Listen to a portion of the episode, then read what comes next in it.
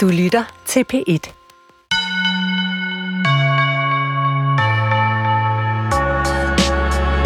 Der findes en ener i dansk litteratur, men øh, denne ener er multipel, for vedkommende har haft så mange identiteter, at jeg kan have svært ved at finde rundt i det. Hvad jeg ved med sikkerhed er dog det her. Hun skriver fremragende, hun udfordrer sin læser max, og hun afprøver de kunstneriske former ud i det ekstreme. PT hedder hun Madame Nielsen, og hun har netop udsendt første bind i et planlagt mammutværk. I dagens udgave af Skønlitteratur på P1 kan du møde Madame, da jeg er hoppet på toget væk fra København. Og jeg er, det ved jeg også med sikkerhed, din vært Nana Mogensen. Vi sidder i Trautners gård, op på tørreloftet, øh, hos frøken Jensen og Samuel. Og hvad hedder det? Øh, der er masser af spindelvæv, og så er der en masse fugle udenfor. Det er den gamle købmandsgård fra 1600-tallet. Det, jeg tror, det er sådan den ældste bygning i Sorø, bortset fra Klosterkirken og, og byporten.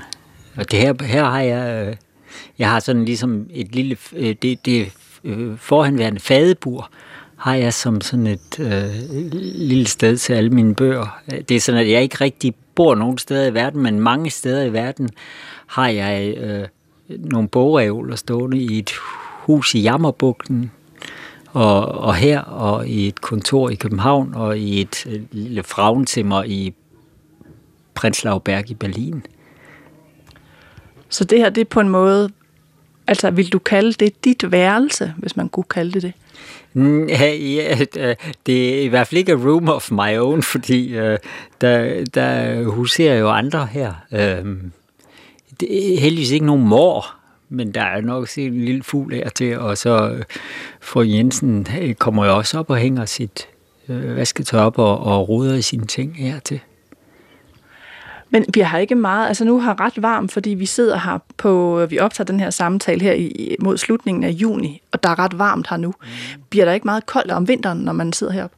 Øh, jo, men det gør man så heller ikke. Hvad hedder det? Og vasketøj, det hænger også og bliver meget stift heroppe om vinteren. Øh, der, når jeg er her i Danmark og oven i Sorø, så sidder jeg nede i, i fadburet, og der er sådan en lille glukul op til højre, så der kommer lidt lys ind der, og så kan jeg sidde og skrive. Jeg har et lille bitte, bitte, bitte skrivebord der. Og hvorfor skulle vi ellers sidde heroppe? Altså, øh, for jeg formoder, der både er en stue, vi kunne sidde i længere nede i, i bygningen, eller et køkken, eller sådan noget, men hvorfor var det lige her, vi skulle sidde? Jeg, ved, jeg tror, at, at mit sådan, rigtige barndomshjem, eller det mest, det der nærmer sig et barndomshjem, det var hos min mor og morfar, fordi øh, vi andre flyttede så meget omkring, at øh, det sted, der altid var der, i hvert fald fra jeg var to år eller sådan noget, det var Klingenberghuset, hvor min mor og morfar boede nede på Horneland. Og øh, der var altid så mange... Øh, jeg elskede de der øh, gamle bjælker, og øh, det var sådan et bindingsværkshus. Et gammelt husmandssted, og øh, elskede alle spindelvævene og, og kattene, og, og ja, sådan det der lidt støvet.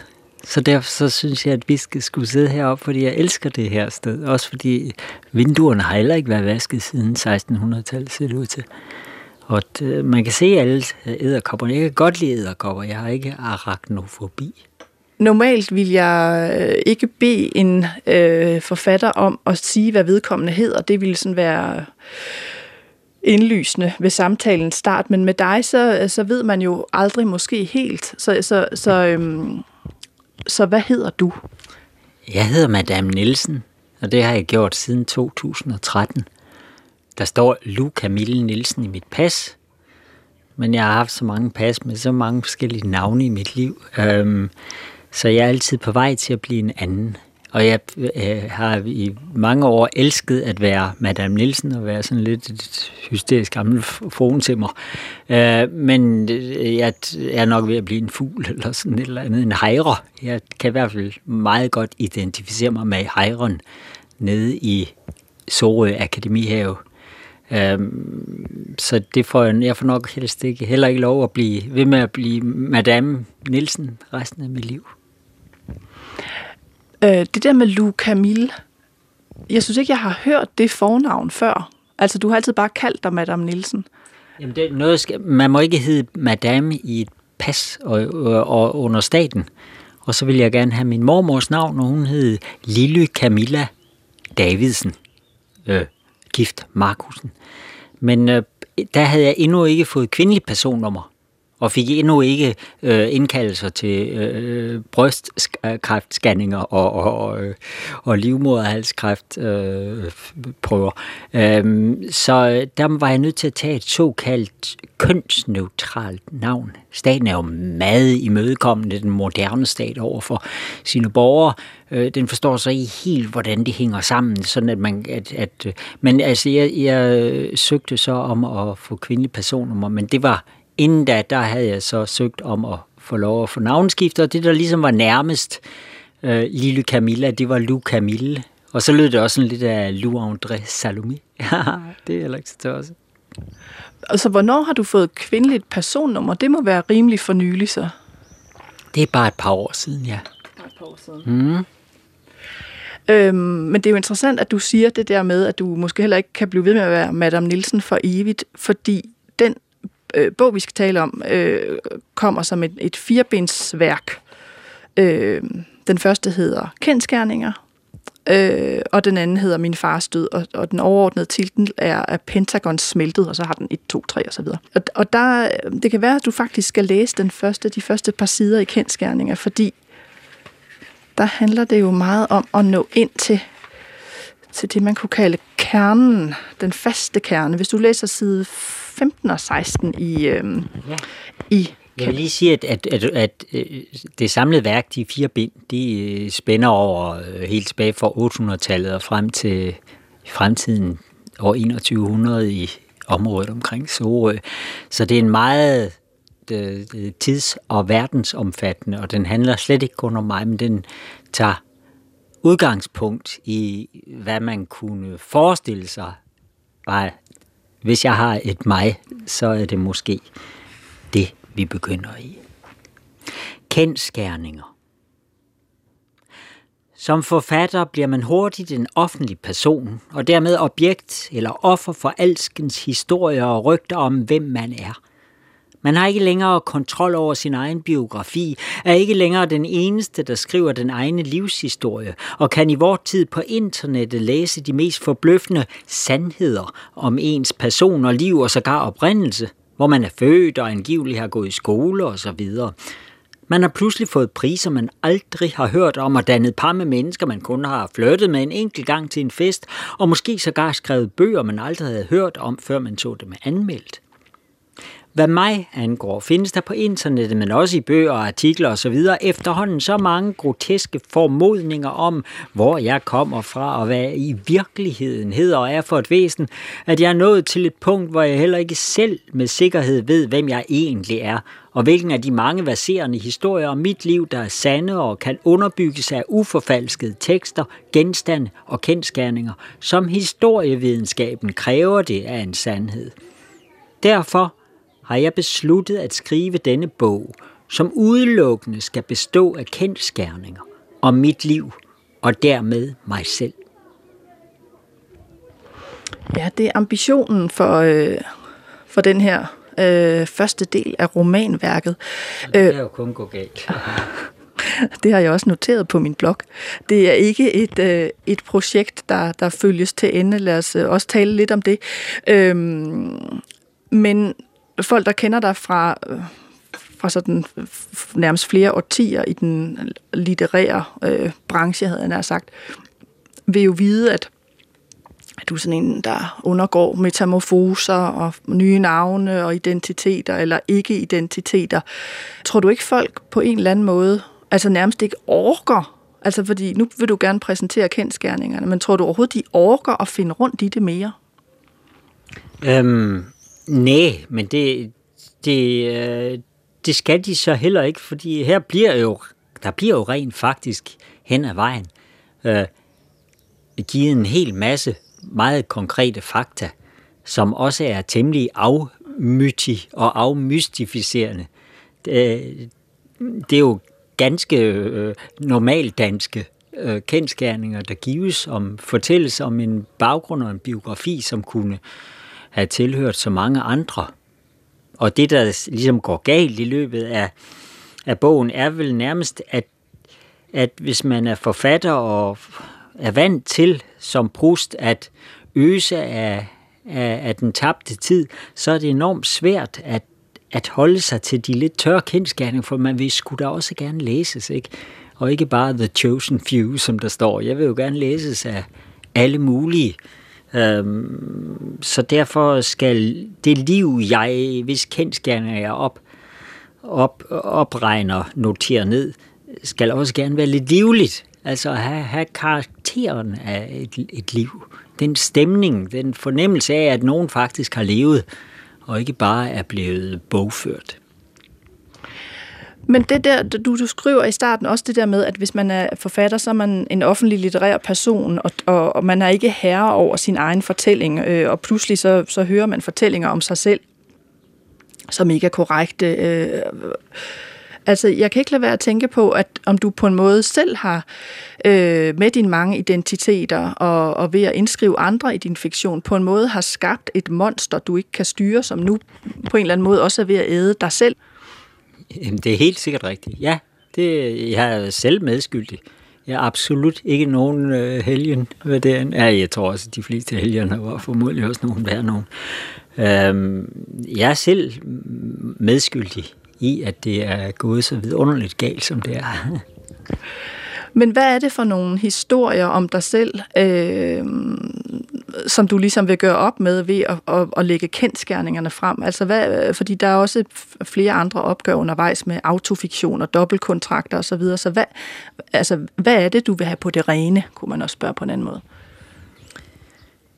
Jamen det er vel bare at få sorteret alt det fra, som man siger om mig. Altså, men, men det, det, det selvfølgelig vil det mislykkes.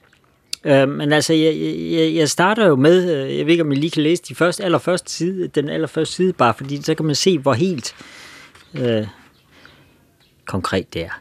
Jeg blev født natten til den 6. maj 1963 på Aarhus Fødselsanstalt. De første måneder boede jeg med, med min mor hos hendes forældre i en lejlighed i Park Allé 11, lige over for Rådhuset. Min mor er Lis Bæk Nielsen, født Markusen. Min far er Ove Bæk Nielsen. De lever begge i skrivende stund. Min for, mor blev født i landsbyen Ture på Fyn. Hendes far, Rudolf Markusen, mistede sin mor allerede som fireårig og snart efter også sin far, og voksede op hos sine bedsteforældre på mødrenes side i Uldum vest for Horsens. Og så videre. Sådan fortsætter det, og det er jo... Det er jo... Øh, det, det, det her er virkelig sandt alt sammen. Og det er fakta. Og det kan underbygges af, hvis man går i Landsarkivet i Viborg. Og det, projektet går i stykker, jeg har noteret her, det er på side 36 øh, blandt andet. Det går tusind gange stille, synes jeg. Men her gør det i hvert fald også. Øh, der, der skriver du, jeg kan allerede nu mærke, at selv en verden, der alene består af kendskærninger, er fraktal. Et potentielt endeløst ekspanderende univers. Så der, der, der bliver det sådan opløst projektet på vej mod en eller anden potentiel uendelighed. Og så fandt jeg et andet citat, hvor du dog under et andet navn nogenlunde siger det samme. Det er faktisk i, øh, i, i øh, biografien over Claus Bæk Nielsen. Som er helt tilbage fra 2003. Jepper. Den er jo snart 22, den er snart 20 år gammel. Det er den, og der skriver så karakteren Helge Bille. Jamen, det er først 2008, ser det ud til. Ja. Eller hvad i efterskriftet? Det er efterskriftet. Der skriver øh, Helge Bille så, fordi vedkommende prøver at lave biografien over Claus Bæk Nielsen. Øh, som vi ved er ikke blot naturen og dermed menneskelivet, men også romanen og dermed biografien fraktal, kaotisk, uoverskuelig og uden for vores kontrol. Så der er igen det her med at lave et projekt, altså om en biografi om et menneske, og så erkendelsen af, at, at det går mod uendelighed, lige meget hvad for en genre man vælger. Så hvis du skal prøve at forklare lytterne på en eller anden måde, hvad, hvad er den nye erkendelse her i, i det nye bog, altså øh, med kendskærningerne? Altså i den første bog var det jo forsøg på at skrive en, en, en en biografi over den Claus Bæk Nielsen, som var erklæret død, og på en eller anden måde gået tabt for mig også. Og der var dukket en anden en op, sådan en mere hjemløs, som jeg, eller det er jeg, der var dengang, på en eller anden måde følte sig mere hjemme i, øh, hjemme i hjemløsheden, end i det borgerlige liv, som øh, det der øh, noget yngre menneske ellers skulle begynde at, at, at leve, og som var gået så øh, katastrofalt galt. Øhm, og, øh, men her, det her, det, det er en meget, den bog startede, den bog startede i og for sig hele den der mytedannelse omkring mig i det her lille bitte land, som vi lidenlandet Danmark, øhm, øh, hvor alle kender alle, og alle mener noget om alle, og alle ved sandheden om hinanden. Øhm, men det, det, det gjorde, at det her monster, Claus Bing Nielsen, som nogen elsker og andre virkelig hader, ikke? Altså det kan man også se på anmeldelser, de er jo enten altid sådan ganske begejstrede, eller meget begejstrede, eller også er de nærmest på forhånd fuldstændig rasende øh, hadske. Øhm, øh, det, det, det, det begynder der, og så har jeg forsøgt, forsøger jeg ligesom at, at slutte det i kendskærninger. Ligesom sætte, en, sætte et punktum, sådan at jeg kan blive fri til bare at være en eller anden, der skriver romaner og skriver andre former for litteratur. Øhm, og øh, og, og der, der går jeg så helt meget mere faktuelt til værks, end jeg gør i biografien. Selvom biografien faktisk burde gøre det samme. Men her, øh, nu er jeg blevet så gammel, at åbenbart, at, at nu tør jeg gå til landsarkivet og alene skrive fakta. Men vil det sige, at, at øh, Altså at du i virkeligheden forlader nogle af alle de her identitetsleje, øh, som man kan sige, som har opstået. Altså nu kan lytterne jo så ikke se bogen, men det er jo den, der hedder Claus Bæk Nielsen 1963 til 2001, en biografi, som så er skrevet af, af et af dine, jeg ved ikke, hvad jeg skal kalde det, alter egoer, som Helge Bille. Øh, altså er, er det ligesom en streg i sandet i forfatterskabet? Ja. Jeg, jeg, jeg forsøger at det er også derfor, at efter den bog, så kommer den næste roman, der hedder Min fars død, og i, allerede så i den tredje, der hedder den, der kommer til november, den højeste orden og underverdenen. Øhm, den begynder øh, på et kloster i, i øh, Paris i 1500-tallet, og går så senere tilbage til helt omkring i de første århundreder efter Kristi fødsel. Og den fjerde roman foregår ude i fremtiden. Altså der øh, er jeg med de to skridt for skridt frisætter jeg mig til bare at være en, et, en stemme, der skriver. Øhm, altså det paradoxale er jo, at, at et, et af projekterne for mig igennem alle årene har været at, at gøre mig fri af en identitet. Og i, i en 10 år, der levede jeg som navnløs, men så blev jeg ligesom den berømte navnløse, og så hjælper det jo ingenting. Altså så øh, bliver selve fraværet af en identitet til ens identitet, og så bliver man enestående i stedet for bare at være en af mange forfattere. Ikke? Men øh, kunne du ikke have regnet det ud et eller andet sted? Fordi hvis man går så radikalt til værks, at, at øh, man undersøger identitet på så mange måder, som du har gjort, altså øh, påtage sig et helt øh, fremmed navn fra en fremmed mands sygesikringskort, eller dukke op øh, med påstået øh, hukommelsestab øh, som hjemløs, eller øh, så bliver man til øh, et øh, dot-navn, øh, altså øh, bækværket dot et eller andet, eller så bliver man til udgået, eller Nielsen, eller Claus Bæk Nielsen, eller Madame Nielsen. Altså kan du ikke godt, kunne du ikke have regnet ud, at når man er så ekstrem, at man også iscenesætter sin egen begravelse, at så bliver det fortællingen, og det vil stå og skygge for det, man også har lyst til at sige. Ved du hvad, Nana? Jeg tror ikke, at det er muligt at forudse øh, livet. Det, det er jo et spørgsmål, man meget tit siger til mennesker. Det kunne du have sagt selv, men det kan man faktisk ikke. Fordi det, det er også det vidunderlige ved, ved livet og ved, ved at gøre noget i det hele taget. Det er, at det er umuligt at forudse, hvad der sker. Det, var, det er både umuligt i ens eget liv, alle ved, hvor, hvor meget folk forsøger, et hvert menneske forsøger at planlægge sit eget liv, eller gøre det bedst muligt, og det går altid galt, eller bliver i hvert fald noget andet, end det man havde forestillet sig. Og hvad hedder det? på, på, den, på det store plan i historien, der ville muren, den ville aldrig falde, den der Berliner mur, og den faldt bare i løbet af ingenting, og som ingenting. Pludselig, der sker ting, som vælter alting om, ikke? Også Putin, han går da ikke, han er sgu da ikke så dum, at han invaderer Ukraine, og så invaderer han Ukraine. Og, og hvad sker der så? Al, al, altså alt muligt, vi ikke har regnet med, ikke? Tyskland, de skal have gang i deres kulkraftværker nu her, ører man. Og øh, det troede man ellers endelig aldrig ville ske igen. Men altså, øh, historien og det enkelte menneskes liv er, er kaotisk og uforudsigeligt. Og en, jeg forsøger bare at gøre noget, der er så præcis som muligt, og så interesserer jeg mig for det, der, for det, der kommer ud af det. Jeg forsøger ikke at gøre det øhm,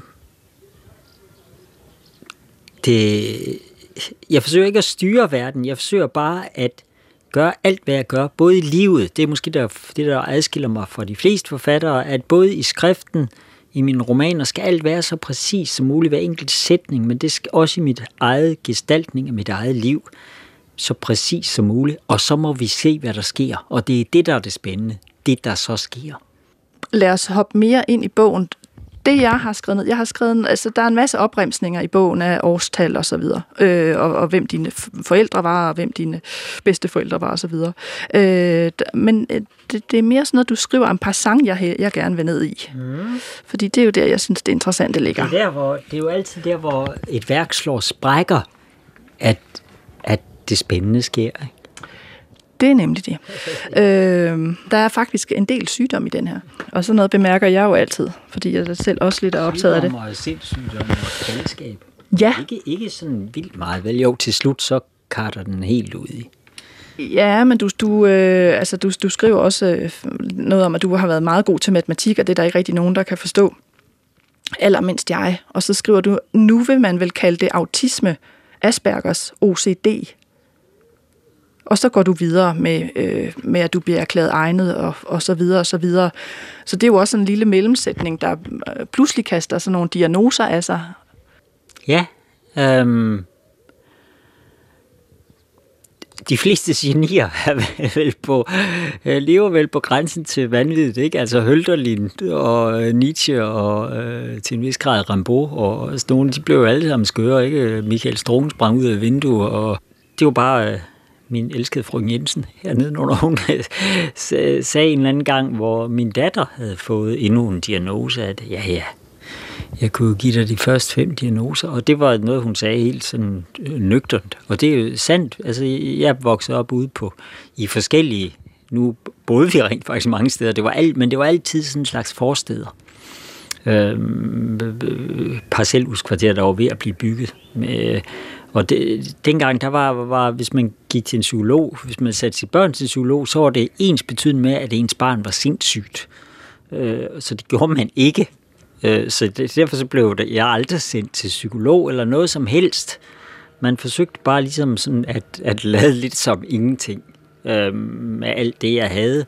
Og det, alt det, jeg havde, det har, enten så går man under af det, der at det der overvældende, øh, den, hvis man har en for stor sjæl, ikke? jeg har en sjæl så stor som en zeppeliner, og øh, det kan være lidt svært at styre, men enten går man under af det, eller også så omsætter det man det i en skabelseskraft, og det har jeg lykkedes at gøre. Jeg har fundet, øh, lært, hvor meget disciplin, som jo ellers ikke er i højsædet i den danske kultur, hvor fantastisk disciplin er. Øhm, og øh, og at leve meget, meget disciplineret, øh, frisætter. Altså, jo mere man strammer friheden ind, jo mere øh, kraft og plads, rum for, øh, øh, for øh, livet og, og, og, og skabelsen. Øh, så ja, jeg har omsat min, mit vanvid til form og refleksion, tænkning. Mm, ja, og så kommer jeg til at tænke på flere ting. Et, at du sådan med største selvfølgelighed siger, at sådan er det jo for genier. Øh, ser du dig selv som geni? Altså som om, at det er en selvfølgelighed? Eller, øh, eller, eller øh, hvad, hvad gik det ud på? Ja, det gør jeg. Og samtidig så lærer jeg jo selvfølgelig af mig selv, ikke? der er jo ikke noget mere komisk end nogen, der udråber sig selv til genier, ikke? Jeg har også engang sagt, at jeg selvfølgelig skal have Nobelprisen engang, eller det burde jeg have. Og det mener jeg også, og samtidig er det totalt latterligt. Men det der, jeg mener, den eneste ordentlige ambition for en forfatter, hvorfor skulle man ellers være forfatter, hvis man ikke vil være lige så stor som Homer og, øh, og Hølderlin og øh, Virginia Woolf og øh, Marguerite Duras? Altså, øh, hvis man gerne vil måle sig med, med, med, med sit eget lidenlands øh, øh, forfatter, så var der jo ingen grund til at skrive, vel? Bortset fra H.C. Andersen. Men kan du forstå det her med, at, øh, at du nogle gange kommer til at lægge dig altså, ud med dine omgivelser? Fordi nu bare i det, du sagde, så, så fik du allerede svinet hele forfatterstanden til i Danmark, altså disse Nej. middelmådige... Nå ja, nej, men det var øh, sådan kærligt, øh, men en kendskærning, ikke? Øh, øh, så, øh, men samtidig ved jeg jo også godt, at altså, øh, det har også noget at gøre med, med hvilken selvhøjtidlighed man siger det. Ikke? Øh, hvis det er ud fra bevidstheden om den der alt for menneskelighed, hvor komisk mennesker er, ikke? Altså mennesker, de lider og dør og, og tror, at, at de er enormt vigtige. Og de skal have Nobelprisen sågar, og så lige pludselig øh, får et eller andet i hjertet eller sådan noget der, og så er det forbi. Og man ved, hvor hurtigt øh, en forfatter eller en kunstner eller hvem som helst bare er glemt. Jeg tænkte på det i går, hvor jeg tænkte, at Øh, jeg tænkte på, jeg skriver på et stykke til det, en komedie til det kongelige teater, og så tænkte på det der med, at i Sverige og Norge, der har de sådan store forbilleder, de kan kæmpe imod. I Danmark er der bare ikke nogen som helst dramatiker i Danmarks historie. Og så tænkte Holberg, altså der er, er da den elendigste dramatiker, ikke? Altså skrækkelig. Og hvad er der ellers? Øhm, og hvad vil jeg sige med det, Nana Mogensen? Jamen, så kunne jeg jo spørge, okay, hvilke danske forfattere er så gode, hvis du siger, at du ikke lige... Øh... H.C. Andersen er da helt fantastisk. Og Inger Christensen er fantastisk. Jeg er også meget, jeg er meget glad for digterne. Øh, Claus Høg, synes jeg også, er til tider vidunderlig. Øhm. Men det var en nulevende, der sort of gik an. Prøv at nævne mig, nu får du lige en opgave, prøv at nævne mig tre nulevende forfattere, du synes skriver godt. Øh, danske. Ja, altså jeg synes, Helge Helle, Helle, Helge Helle, Helle, Helle, Helle skriver helt øh, vidunderligt præcist og øh, krystallinsk, klart og originalt og, og med øh, vid og humor. Så det passer jo, eller jeg synes, at hendes bøger er skide gode, og jeg synes, at jeg nævnte Claus Høg, øh, som også har skrevet, man måske især tidligere har skrevet nogle helt fantastiske digtsamlinger. Øhm, der er jo også Madame Nielsen. Øhm, hvad, hvad, hvad er der mere? Øhm, Signe Gessing. som er, er en ung og sikkert, og hun er da også sådan lidt på grænsen til, til det tossede. Og det kan man jo kun øh, øh, sætte pris på. Lad mig, øh, lad mig hoppe lidt videre, øh, inden vi hopper til farbogen, fordi det gør vi også, men, men der er også noget, du sådan, øh, nævner en passant i den her bog om, om biografien og, og kendskærningerne. Og det står også nærmest sådan lidt midt mellem alt muligt. Budum, budum, budum, skal jeg lige hen til punktummet her. Guld, det skal vaskes ud, ja. Hvad siger du?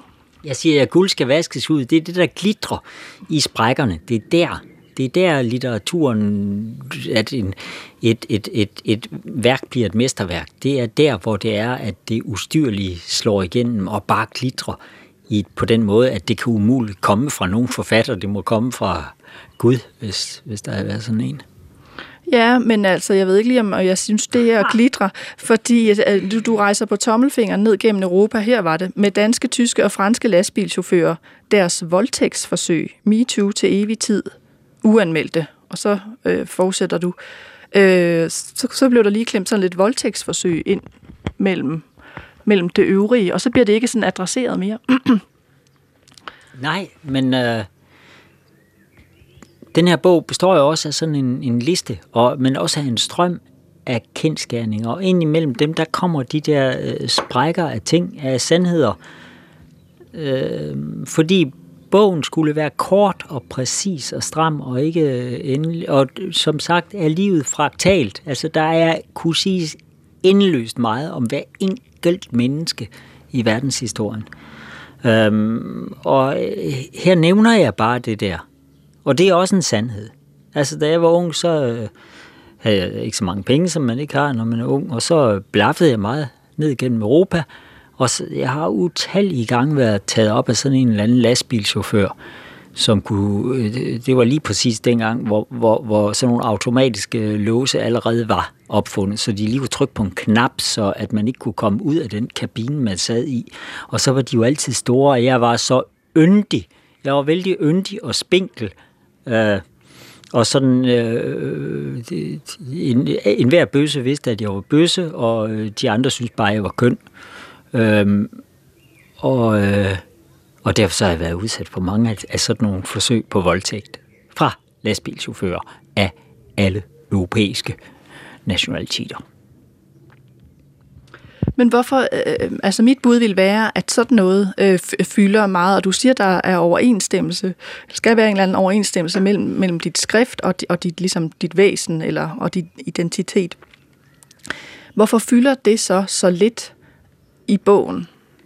Mit bud ville være, at det havde meget større betydning. Også i forhold til alt det her med at skifte rundt i identiteter hele tiden. Altså, det havde været i tidsånden, at man havde fokuseret, fordi det her har vi endelig, hurra, en krænkelse, ikke? Altså en, et, et, et MeToo, et overgreb. Øhm, men det har åbenbart ikke interesseret mig så meget, men det er nævnt, øh, og det kunne foldes ud, men det, der er så mange, der folder en krænkelse ud.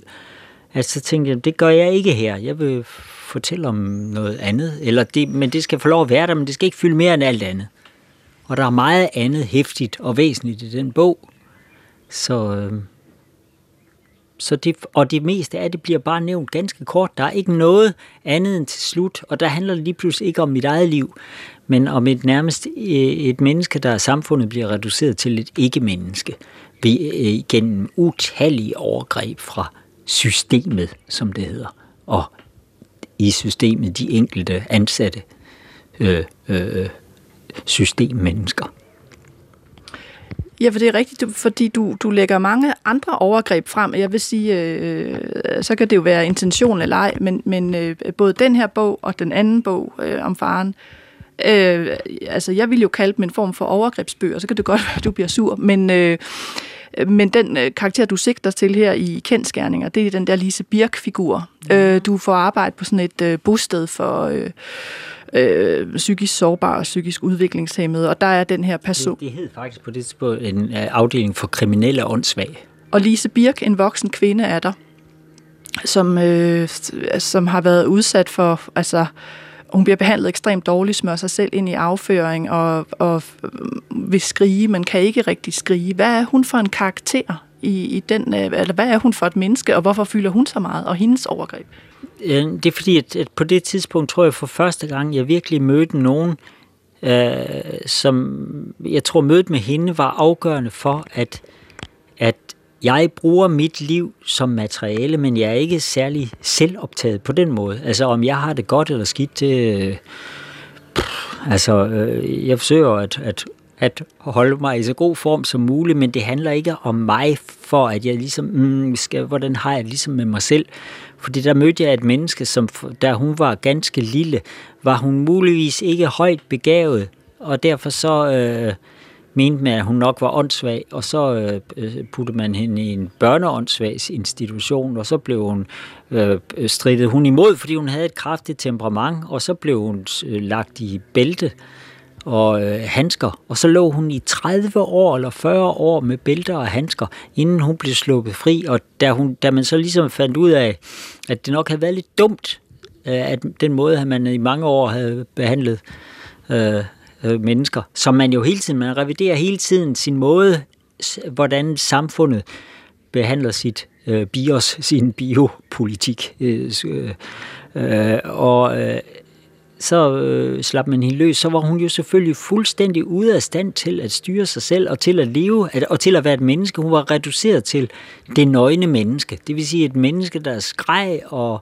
og, og, og rystede hele tiden og, og røg uafbrudt for at for nogenlunde og spiste så mange piller, og hele tiden skulle have de der piller, fordi hun kunne mærke, at ellers så kunne, ellers så, hun, hendes øh, arme og hænder var var fuldstændig bit i stykker. Altså, de var åbne sår. Øhm, og da, det møde med hende, det gjorde bare, at, det, at jeg tænkte, at herregud, øh, her har vi et menneske, hvis, altså, som har været ude for ting, der er meget, meget værre, end du nogensinde. Om nogen har forsøgt at voldtage dig i en lastbil, øh, så so what i sammenligning med, hvad der skete med hende? Ja, øh, man kan vel altid finde nogen, altså, havde jeg sagt, der har haft det værre, men jeg vil bare sige, at i den bog, lad os så hoppe til den, øh, som, som hedder Min fars død. som kommer til august. Ja, ja den kommer først øh, om, om en måneds tid, når det her bliver sendt. Øh, der tænkte jeg på flere overgreb, øh, men det kan jo så være, det er min måde at se på. Dels tænkte jeg, at øh, altså, er det næsten et overgreb, at du skriver om ham på den måde. Ikke? Jeg noterede nogle af de ting, du skriver om ham. Han, han, vi skal nok høre lidt oplæsning i om Oh, jeg skal lige have Nej, jeg har noteret simpelthen øh, her sådan lidt om, hvordan du beskriver ham. Du kalder ham en ulykkeligt flæbende zombie. Øh, så skriver du helt eksplicit, at du venter faktisk på, at han dør, så du kan få noget at skrive om. Din familie kontakter dig, da han er syg, øh, men du tager først hjem tre dage senere. Det tænk... Nu, nu piller du også ligesom det værste ud, ikke? Altså, den er den bog der, øh, som de fleste øh, væsener, der engang har været et handkønsvæsen, så har øh, havde, og, havde jeg et kompliceret forhold til min far. Og, men du vil også kunne finde steder, hvor jeg ligesom priser ham, og, og, og, og siger, hvor meget jeg elskede ham, og, altså, og hvor, hvor meget jeg i hele min barndom nærmest var, levet, var symbiotisk sammenvokset med ham. Og jo, når man er det meget, meget, meget tæt, så når man så brydes, så, så bliver det et smerteligt brud tit. Øhm, og samtidig er et forbillede for min bog, det er Peter Handkes øh, bog U- Ulykkelig og uden ønsker, øh, som handler om hans mor, fordi jeg forsøger samtidig også at, at, at, at give, fortælle mit fars livshistorie, så man ser, hvor meget han, som hver eneste menneske vil er, også er et produkt af sin tid, en, en tidstype, og netop ikke øh, noget enestående, og heller ikke en, der havde styr over sit eget liv, men også var offer for en bestemt tid. Altså han, han var en bestemt tids mand, den der mand, som levede i den der overgang fra, at, at manden bestemte alt, og til at at man ikke mere gjorde noget. Og så samtidig en mand, der var enormt blød og følsom, og ikke var den her autoritære mand. Han var alt det andet, og han elskede menneskene. Ikke? Øh, så, så de ting, du... Og den er skrevet i de sidste otte døgn. Altså, jeg skrev uafbrudt. Jeg var lige på toilettet hertil og, og, og, og hentede vand og kaffe, men ellers gjorde jeg ingenting andet end at sidde og skrive på den bog, fordi jeg var ligesom blevet besat af, at jeg ville nå at fortælle min fars liv og nå helt frem til hans død, inden han selv nåede frem til den død. Og det var den måde, jeg som et meget skrivende væsen kunne forholde mig til det, øh, det ufattelige, at, at han nu døde. Øhm, jeg øh, noterede lidt, at du, øh, fordi der er sådan en meget interessant scene, jeg synes, du skal læse op, øh, hvis du vil det. Nu vi snakket lidt om de her med overgreb, for på en eller anden måde er det. Øh, det er det, der er på side 41. Har du fundet et sted, hvor jeg er rigtig slem? Nej, det har jeg faktisk ikke. Jeg har fundet et sted, hvor din far er ret slem. Nå, jamen så er det jo mig, i og for sig. Det er mig, der skriver. Skal jeg lige se, det min er jo i print her. Du, du, dut. Øh, her. Øh, ja, ja, det er, det er den passage, hvor du er ude på badeværelset, og han råber efter dig. Ja. Vi kommer lige ind i, i, i en medieræs. Han tænkte ikke over det. Han var bange for tankerne. de holdt ham vågen om natten. Tankerne var ustyrlige, uretfærdige. De åbnede afgrunde, kredsede som skrigende råger om døden. Da hans kun, da hans kun 14-årige søn allerede i 8. klasse blev vanvittig, og ikke kunne komme i seng om aftenen, og var ude på badeværelse i halve og hele timer og åbnede og lukkede for vandhanen, tændte og slukkede lyset, lukkede dørene og åbnede dem igen. Og de to næsten jævnaldrende søstre lå vågne inde på hver deres værelse med dørene på klem ud til den lange gang, og var bange, kom han til sidst brasende ud fra soveværelset, også han søvnløs, med de ynkelige hårrester klistret til isen og indfaldende øjne og råbte, nu må du kraft stejle med komme i seng, Claus. Og var ikke vred, men magtesløs og bange. Årene gik, det gør de jo, uanset hvor bange man er. Der kommer altid atter en dag, og atter en. Børnene flyttede hjemmefra, fik kærester, pigerne begyndte at studere. Sønnen, der havde arvet hans angst, men ikke røntgenapparatet, gennemlyste sit kranium på anden vis med hash, piller, rockmusik, drømme og med tiden så gar det sprog, han selv aldrig havde fået, og fandt ligesom ham kræft og andre sygdomme overalt i modermærker, indvolde, testiklerne, lymfekirtlerne under armene, mærk! Selv var han fortsat ængstelig, men samtidig tryg i bilen, i ægteskabet. Hun, hans livs første og eneste store kærlighed, hun var den faste borg, Gud, hvor meget han end ønskede at tro ikke kunne være. Hun var hans manglende vilje. Med årene var de vokset sammen. De var et kød, et liv, en parallel bevægelse gennem dagligdagene. Deres hellige, almindelige og mere socialt betingede end personlige rutiner – han mandag til fredag fra halv ni til halv fem eller seks på klinikken bøjede over børnenes munde i lyden af deres stemmer. Den tryghed. Timerne på tennisbanen med de andre old boys i den sene eftermiddag sol med hvide tennissko, ørkenstøvet af banens glødende grus, flere og flere aftener ved borde i spisestuer med, der, med de andre ældre og ældre par, bridge eller træretters natmad med teaterklubben morgens løb rundt om broerne. Han holdt sig i gang, han holdt sig i gang, men det kunne ikke blive ved. Var det der, eller vil du have mere?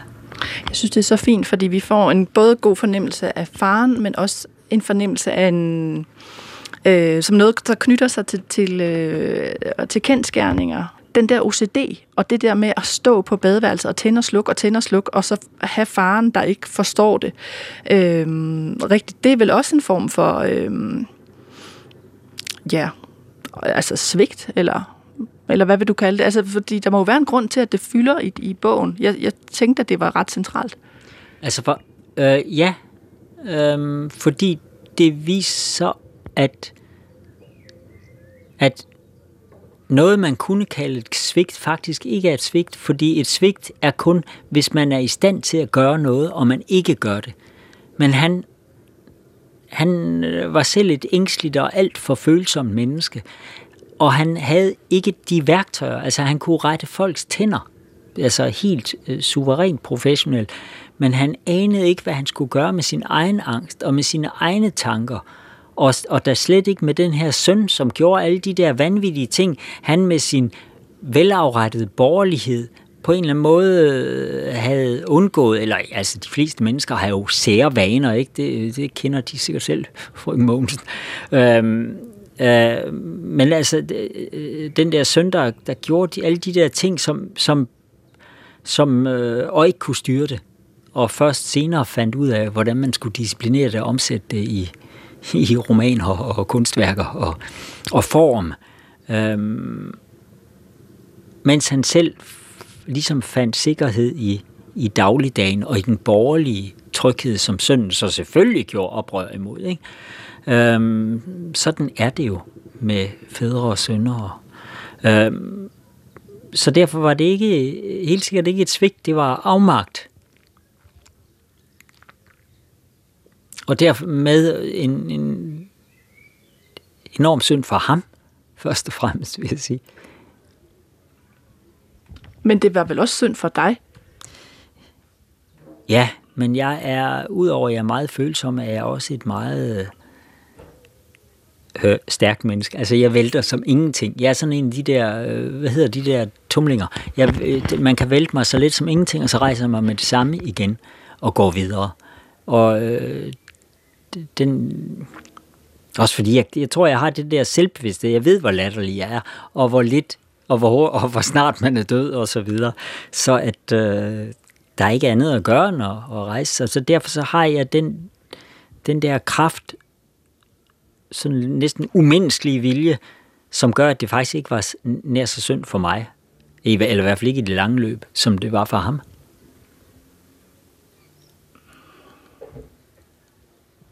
Ja, altså, øh, nu skal jeg jo være ærlig, men altså, jeg, jeg ved ikke, jeg mm. tænker nogle gange, at det, åh, det svarer lidt til det der Susanne Bryggers. Nej, det, jeg, jeg tror skam begivenheden, men, men selve... Øh, ja, fordi... Jeg, ja, Susanne Brygger skriver jo også et eller andet sted, at, øh, hun øh, er udsat for en eller anden øh, voldtægt, da hun rejser rundt øh, i sine unge dage, øh, men at, at hun træffer den aktiv beslutning om, at hun vil ikke være offer, og det skal gøres til kunst, eller det skal gøres til skrift, og så er det en beslutning, og så gør hun det. Øh, som om, at det er noget, man kan vælge. Øh, og det siger du jo så også, at du kan forme den der angst og, og, og transformere den over i noget andet. Øh, det ved jeg simpelthen ikke, om jeg tror på. Altså, jeg kan godt se, at der kommer noget andet, men øh, ja, det er sådan en åben tanke fra mig. Altså, jeg tror, at øh, Susanne Brygger og jeg og Karen Bliksen ligner hinanden på den måde, at, at være sådan nogle ekstremt formbevidste og meget viljestærke mennesker, som og det, det er netop ikke noget, enhver kan vælge at gøre. Men jeg tror, vi alle sammen har valgt det liv, vi ville leve, og har levet til en, i høj grad, og på den måde også skabt en bestemt billede og en hel masse, en masse myter om os selv. Øhm, og der er sikkert et eller andet rum, selvom jeg jo tænker, at jeg, øh, hvad hedder det, er, er alt ikke? Altså jeg æder også mig selv op og mit eget liv og omsætter det. Men der er hele tiden nogle rum, man ikke... Der er hele tiden en blind vinkel, og den tror jeg også Susanne Brygger har, og den havde øh, Karen Bliksen også. Derfor kan man skrive endeløse biografier om os alle, fordi der, vi har alle sammen nogle blinde vinkler. Der er et eller andet, selvfølgelig øh, en rest af noget, øh, af, af et eller andet traumatisk, som hun alligevel ikke helt har kunnet vælge at, at øh, at omsætte til kunst. Og måske er det netop det, der er kraften i hendes kunst. Det er alt det, man trods alt ikke selv kan styre og vælge at gøre, selvom hun jo er helt, altså, hun er jo enestående. Men hvad er så, øh, altså, hvad er så din rest? Altså det, du så ikke laver om til det, jo, det kan jeg jo ikke sige. Det ved jeg ikke. Det tror jeg heller ikke, Susanne Brygger aner vel også selv. Altså hun har jo gået i mange år ligesom at jeg kan huske, der kom sådan en biografi om hende, der hed Krukke, hvor en, en øh, litterat øh, havde fået, for først som, sådan fået sådan en enestående adgang til hendes brevvekslinger og dagbøger fra de unge år. Og, øh, og så kom, øh, og dem, dem brugte hun så af og så vil sige, at der blev åbnet nogle sider af Susanne Brygger, som man aldrig havde kendt til før. Og, men alligevel så var der jo ekstremt mange af de der øh, kvinder, som senere, øh, som, som var hendes fans i hendes unge år, men som senere blev hendes kritikere, da hun forrådte den der kvindesag, øh, synes de. Øhm, og som hele tiden vil sige, at jamen, der er et eller andet, hun ikke giver os adgang til. Hun, på den måde er hun sådan et aristokratisk, eksklusivt menneske, nok også mere end jeg er. Jeg er det på, mi, på en anden måde. Jeg er en, en ny tids, øh, tidstype. Øh, men der er helt sikkert et eller andet privatliv, hun altså ellers, jeg ved ikke, om man kalder det privatliv, et eller andet, en blind vinkel, som blandt andet er noget, hun selv beskytter, men som hun heller ikke helt selv kan se alt sammen. Og det er især det sidste, som jeg synes er interessant. Øhm, det man trods alt, selv med hvor mange selvbevidsthed og mange metalag man har på sig selv, ikke ser. Ja, eller det, man beskytter. Jeg kan jo ikke lade være med at sidde og tænke på, øh, at vi jo nærmest sidder oven på det her, fordi vi sidder oven på tørreloftet, men nedenunder er der faktisk et hjem, hvor din, jeg ved ikke, hvad man samlever, eller kone, eller kæreste, og, og, og de... Nej, det er bare øh, min livs stor kærlighed, øh, men ja, vi er hverken gift, eller vi lever jo, bor jo heller ikke sammen, men vi har en dreng. Hvis drengeværelse, du gik forbi, du kunne se hans gamerstol og hans kulørte sengetøj og klaveret. Men det er det, jeg mener. Altså, jeg er ikke en sladderjournalist, så jeg holder den slags udenfor, men det er vel også, øh, selvom du lægger alt frem, så er der vel også det, du så trods alt øh, virkelig beskytter. For eksempel, også når du kalder hende øh, fru Jensen, for eksempel. Frøken Jensen. Frøken Jensen, ja, selvfølgelig. Hun er ikke gift. Øhm, ja, det, det gør jeg. Absolut. Øhm, øh, de, de skal ikke de skal ikke beskrives eller besnakkes her i radioen. Og øh, det er jo meget parallelt til den måde, øh, Susanne Brygger ofte har omgået. Hun har jo også, hendes mand, han hedder jo også altid sæt i bøgerne, ikke? Det svarer vel i og for sig meget godt til frøken Jensen, ikke? Det er sådan øhm, et eller andet kærligt, og så er der alligevel noget, der er dukket op i nogle af de senere bøger. Jeg tror, det er hendes dagbøger, hvor, hvor man alligevel taler lidt om ham, men det er jo alligevel udvalgt. Altså, de, de dagbøger, der kom fra Susanne Brygger, er ikke, hvad jeg kalder dagbøger. Altså det, fordi det, de er simpelthen så redigeret. Øh, det er kun sådan ligesom nogle highlights, ganske udvalgte passager, der er kommet med i den. Øhm. Jamen, du træffer dog det valg, at, at øh, her i, i farbogen, der er det både din, øh, altså din mors sms'er, øh, og, og, og så beskrivelserne af din far, Øh, så de bliver jo, om jeg så må sige, lagt, lagt frem til skue, øh, og der bliver et af dem rent kunstnerisk. Men de er det... også så smukke og, og rørende og menneskelige, og, og netop også, de er jo personlige, men de er også, øh, ligesom i Handkes bog, så tidstypisk. Altså, de, det, det er noget, alle vil kunne identificere sig med, fordi det ikke er abnormt, men netop er så utrolig menneskeligt det, der sker. Og det er jo en katastrofe i enhver families liv, en død. Ikke? Altså, uanset om en menneske er ung eller gammel, så er det jo... Og uanset hvor meget man er forberedt, så øh, kommer det som, som en chok og en katastrofe.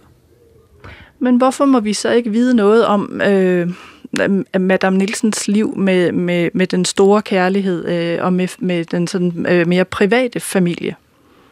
Det er i, i modsætning til min mor og far. Som er, som er den mere udvidede familie, eller hvad skal man sige, den mere sådan den anden generation. Altså hvorfor, hvorfor har du, fordi det er jo en bevidst fordi grænse. Min far er død.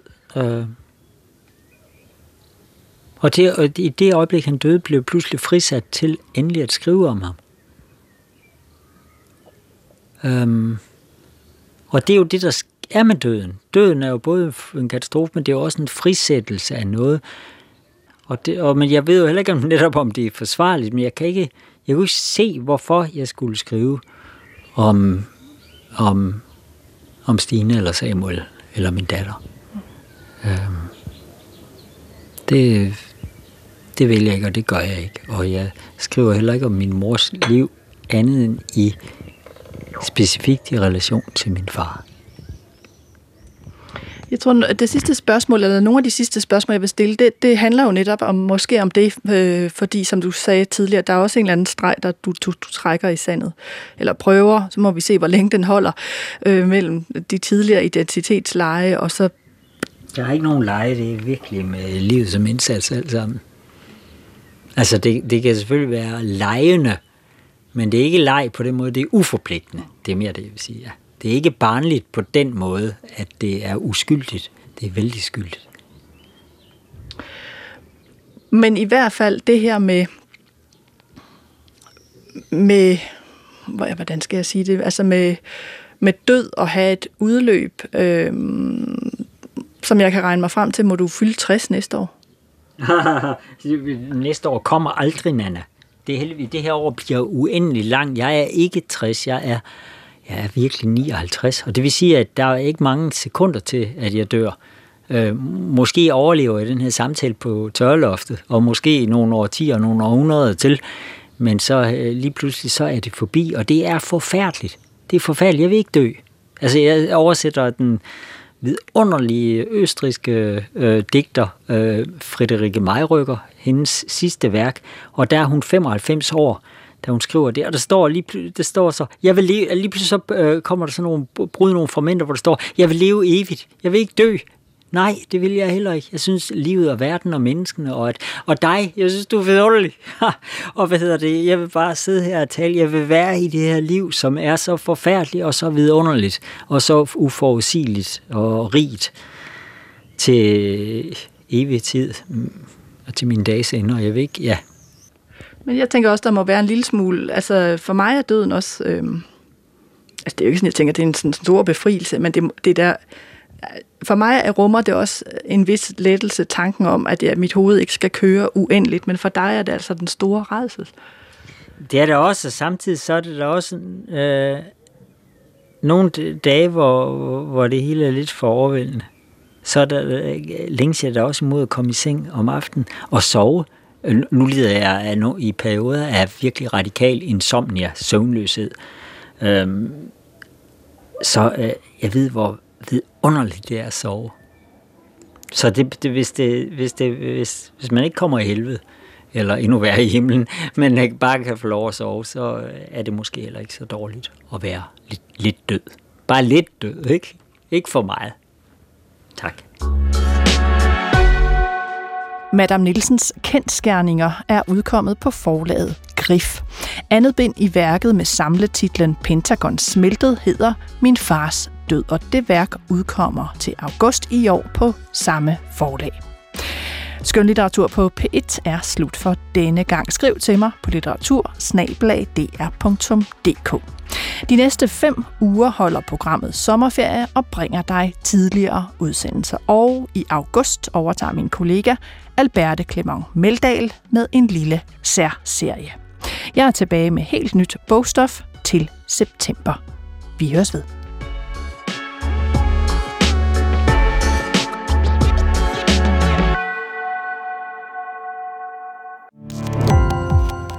Gå på opdagelse i alle DR's podcast og radioprogrammer. I appen DR Lyd.